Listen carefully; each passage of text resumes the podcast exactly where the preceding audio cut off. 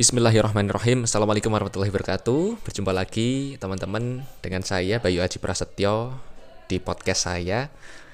Pada kesempatan kali ini ada satu tema atau topik pembahasan yang sangat menarik Dan tentu saja insya Allah berguna juga untuk Anda, saya, dan kita semua yang mendengarkan podcast ini. Sebelum kita masuk ke inti atau saya spoiler atau saya kasih tahu inti pembahasan dari podcast ini saya mau cerita dulu ya. Jadi di tahun 2012 sekitar tahun 2012 ya atau 2013 gitu ya intinya sekitar itu saya ketika itu main ke Gramedia ya ke toko buku dan membeli satu atau dua buku bisnis ketika itu ya yang buku tersebut bagus banget ya isinya bagus banget ringkas bagus to the point dan sangat praktis ya. Bagi saya sangat praktis yang sangat mudah untuk dipraktikkan. Ketika membaca buku bisnis tersebut alhamdulillah saya langsung tertarik ya dengan isinya dan karena sangat gamblang dijelaskan membuat isi buku tersebut sampai saat ini saya jadikan fondasi dalam berbisnis, mengatur keuangan dan juga ya berbisnis ya, namanya juga buku bisnis. Ilmu dasar tetapi sangat sangat mahal bagi saya yang kalau nggak dipelajari mungkin biaya belajarnya jauh lebih mahal. Teman-teman kalau misal saya sebutkan judul buku bisnisnya mungkin akan tahu, tetapi sengaja saya rahasiakan dulu. Kalau mau tahu eh, silakan kirim pesan ke saya melalui email atau DM di Instagram atau bagi yang punya nomor WA saya boleh langsung WA ya. Saya akan kasih tahu judul bukunya. Nah, ketika baca buku tersebut saya langsung klop dan saya merasa ingin suatu saat nanti bisa dekat dengan penulis buku tersebut dan dapat langsung berguru langsung ke beliau. Kebetulan beliau adalah seorang guru bisnis yang merupakan praktisi juga di bidangnya. Kurang lebih lebih dari 20 tahun kalau nggak salah ya. Tahun ini, tahun 2022 sepertinya udah 20 tahunan beliau jadi seorang pengusaha atau pebisnis. Dan waktu berlalu, alhamdulillah ternyata Allah mengizinkan keinginan saya terkabul yaitu baru beberapa waktu yang lalu saya resmi ya dapat berguru langsung ke beliau. Berguru langsung tuh ya memang saya berdua dengan beliau berkomitmen, beliau mau ngajarin saya, uh, saya berguru ke beliau dan beliau membimbing saya, alhamdulillah.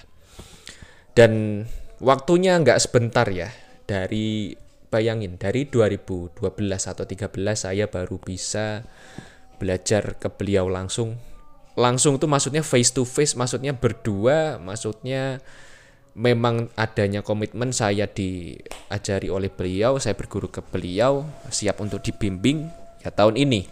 Kalau ikut kelas-kelas beliau ya sudah lama dari dulu. Nggak lama setelah baca buku saya ikut kelas beliau seminar beliau.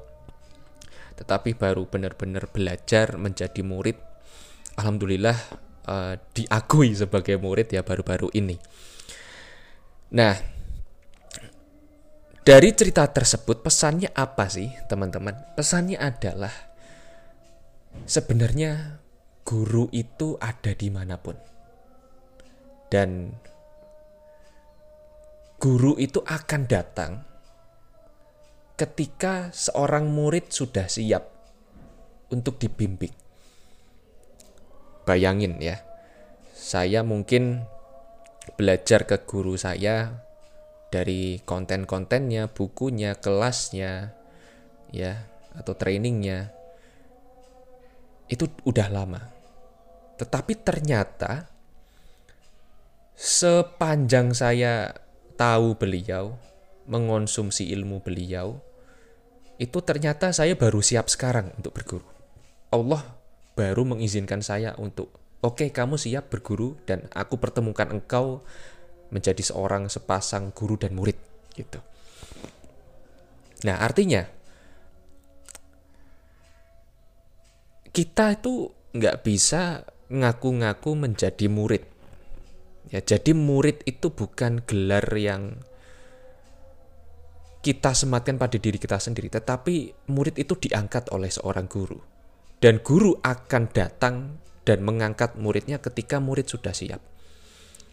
Berapa banyak orang yang seolah berguru atau kita belajar berguru tapi tidak benar-benar berguru. Hanya ingin mengoleksi ilmu saja. Saya dulu juga seperti itu. Ya. Pengen tahu aja gitu ya, belajar terus praktik sendiri tanpa ada bimbingan langsung oleh gurunya. Nah, secara mental, spiritual, kapasitas diri mungkin saya belum siap untuk menjadi murid karena mungkin masih ada kesombongan pada diri saya. Saya mungkin takut untuk dikritik oleh guru saya, mungkin saya takut dibenerin oleh dikoreksi oleh guru saya karena jujur, ya. Bukan jujur sih apa ya. Psikologi manusia itu manusia tidak siap menerima kritik pada dasarnya karena kritik itu sifatnya menyerang, merusak dan kalau kita nggak siap untuk itu, maka artinya kita belum siap menjadi murid. Di satu sisi saya sebagai pelatih, eh, salah satu eh, aktivitas saya adalah bukan pelatih sih ya apa ya melatih ya betul. Melatih eh, melatih banyak orang juga. Saya juga menyadari oh ya ternyata tidak banyak orang ya yang benar-benar siap berguru hanya mengoleksi ilmu saja menurut saya. Dan itu juga terjadi pada diri saya sebagai seorang pembelajar kepada guru saya. Karena itu tadi tidak siap untuk praktik, tidak siap untuk uh, dikritik, tidak siap untuk dibina, gitu ya. Kemudian berapa banyak pula orang yang seolah berguru tetapi hanya sekedar membanding-bandingkan ilmu dari satu orang ke orang lainnya. Saya sering lihat orang yang tidak beradab ketika belajar kepada seorang guru, seorang mentor atau atau apa pun itu, seorang pelatih yang Mas atau Mbak, Bu, Pak gitu.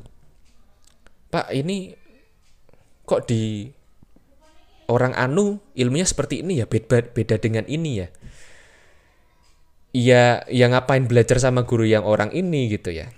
Kalau misal guru yang kita pelajar uh, ambil ilmunya sekarang mungkin orangnya berbesar hati untuk menjawab ya mungkin kita akan mendapatkan jawaban tetapi kalau merasa dibanding-bandingkan tentu saja guru tersebut tidak nyaman.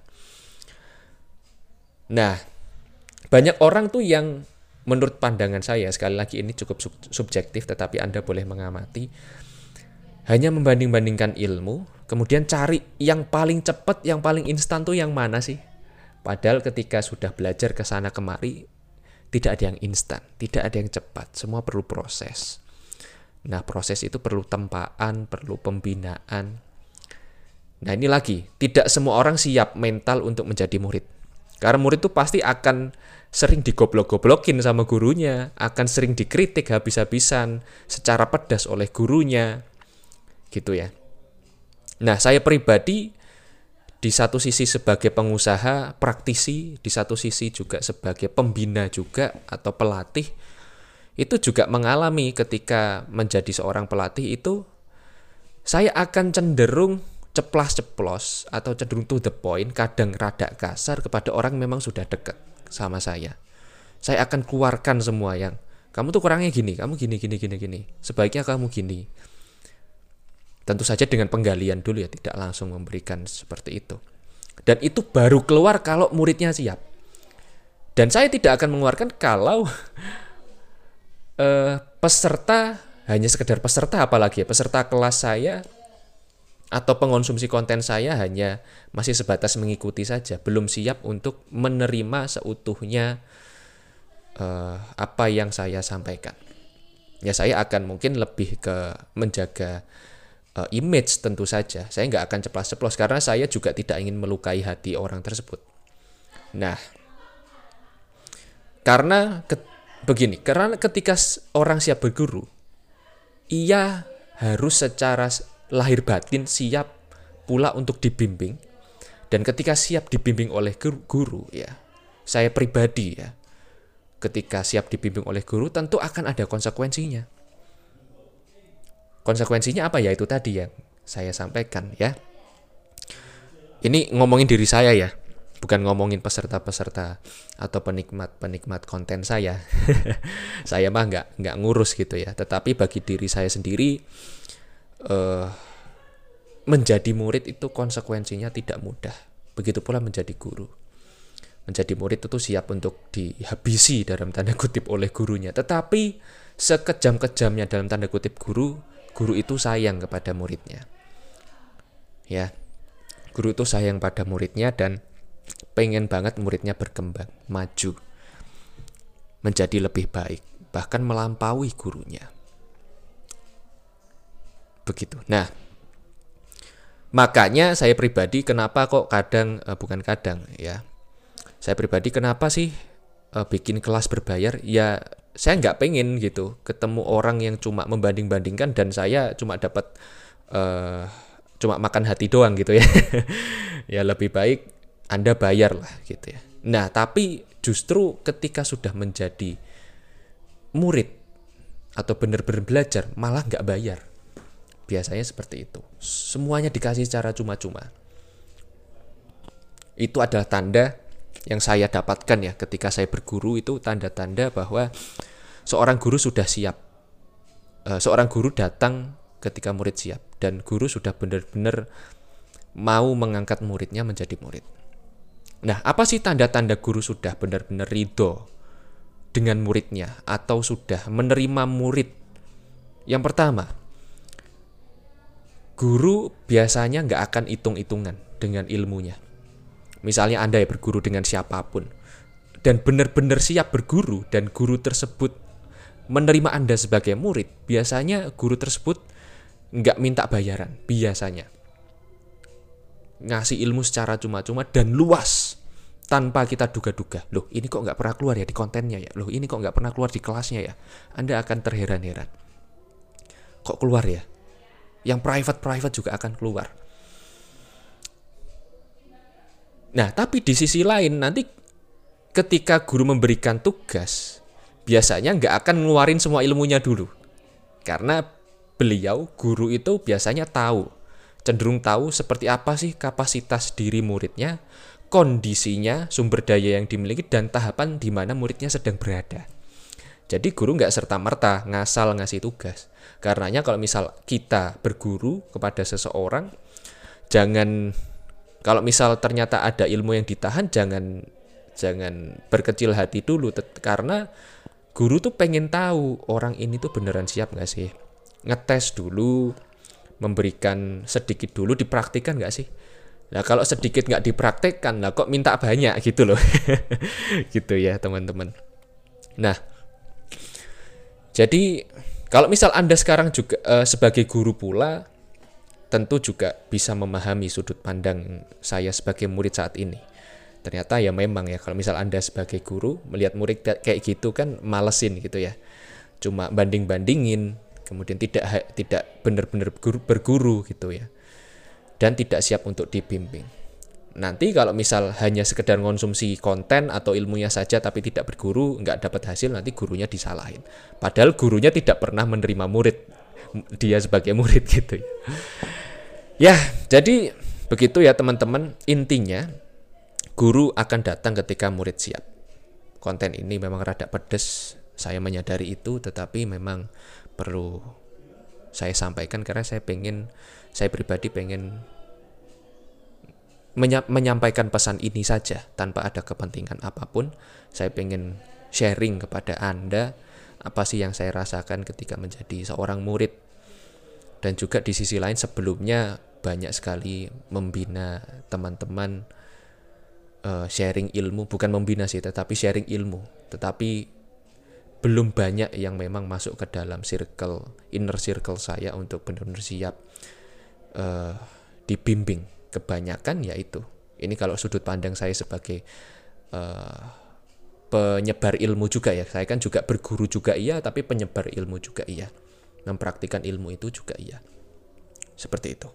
Oke mudah-mudahan bermanfaat teman-teman apa yang saya sampaikan pada kesempatan kali ini kali ini. Jika anda merasa bermanfaat silakan bagikan podcast ini kepada siapa pun yang menurut anda membutuhkan. Dan silakan berlangganan juga ya konten saya ini. Jika Anda ingin mendapatkan update konten-konten seperti ini dengan tema-tema yang beragam tentu saja ya ada pengembangan diri, entrepreneurship, mungkin kadang-kadang keuangan, kadang jualan gitu ya, marketing, apa pun itulah yang menjadi concern saya dan Anda membutuhkan, silakan kabari saya. Terima kasih, terima kasih sekali lagi. Wassalamualaikum warahmatullahi wabarakatuh.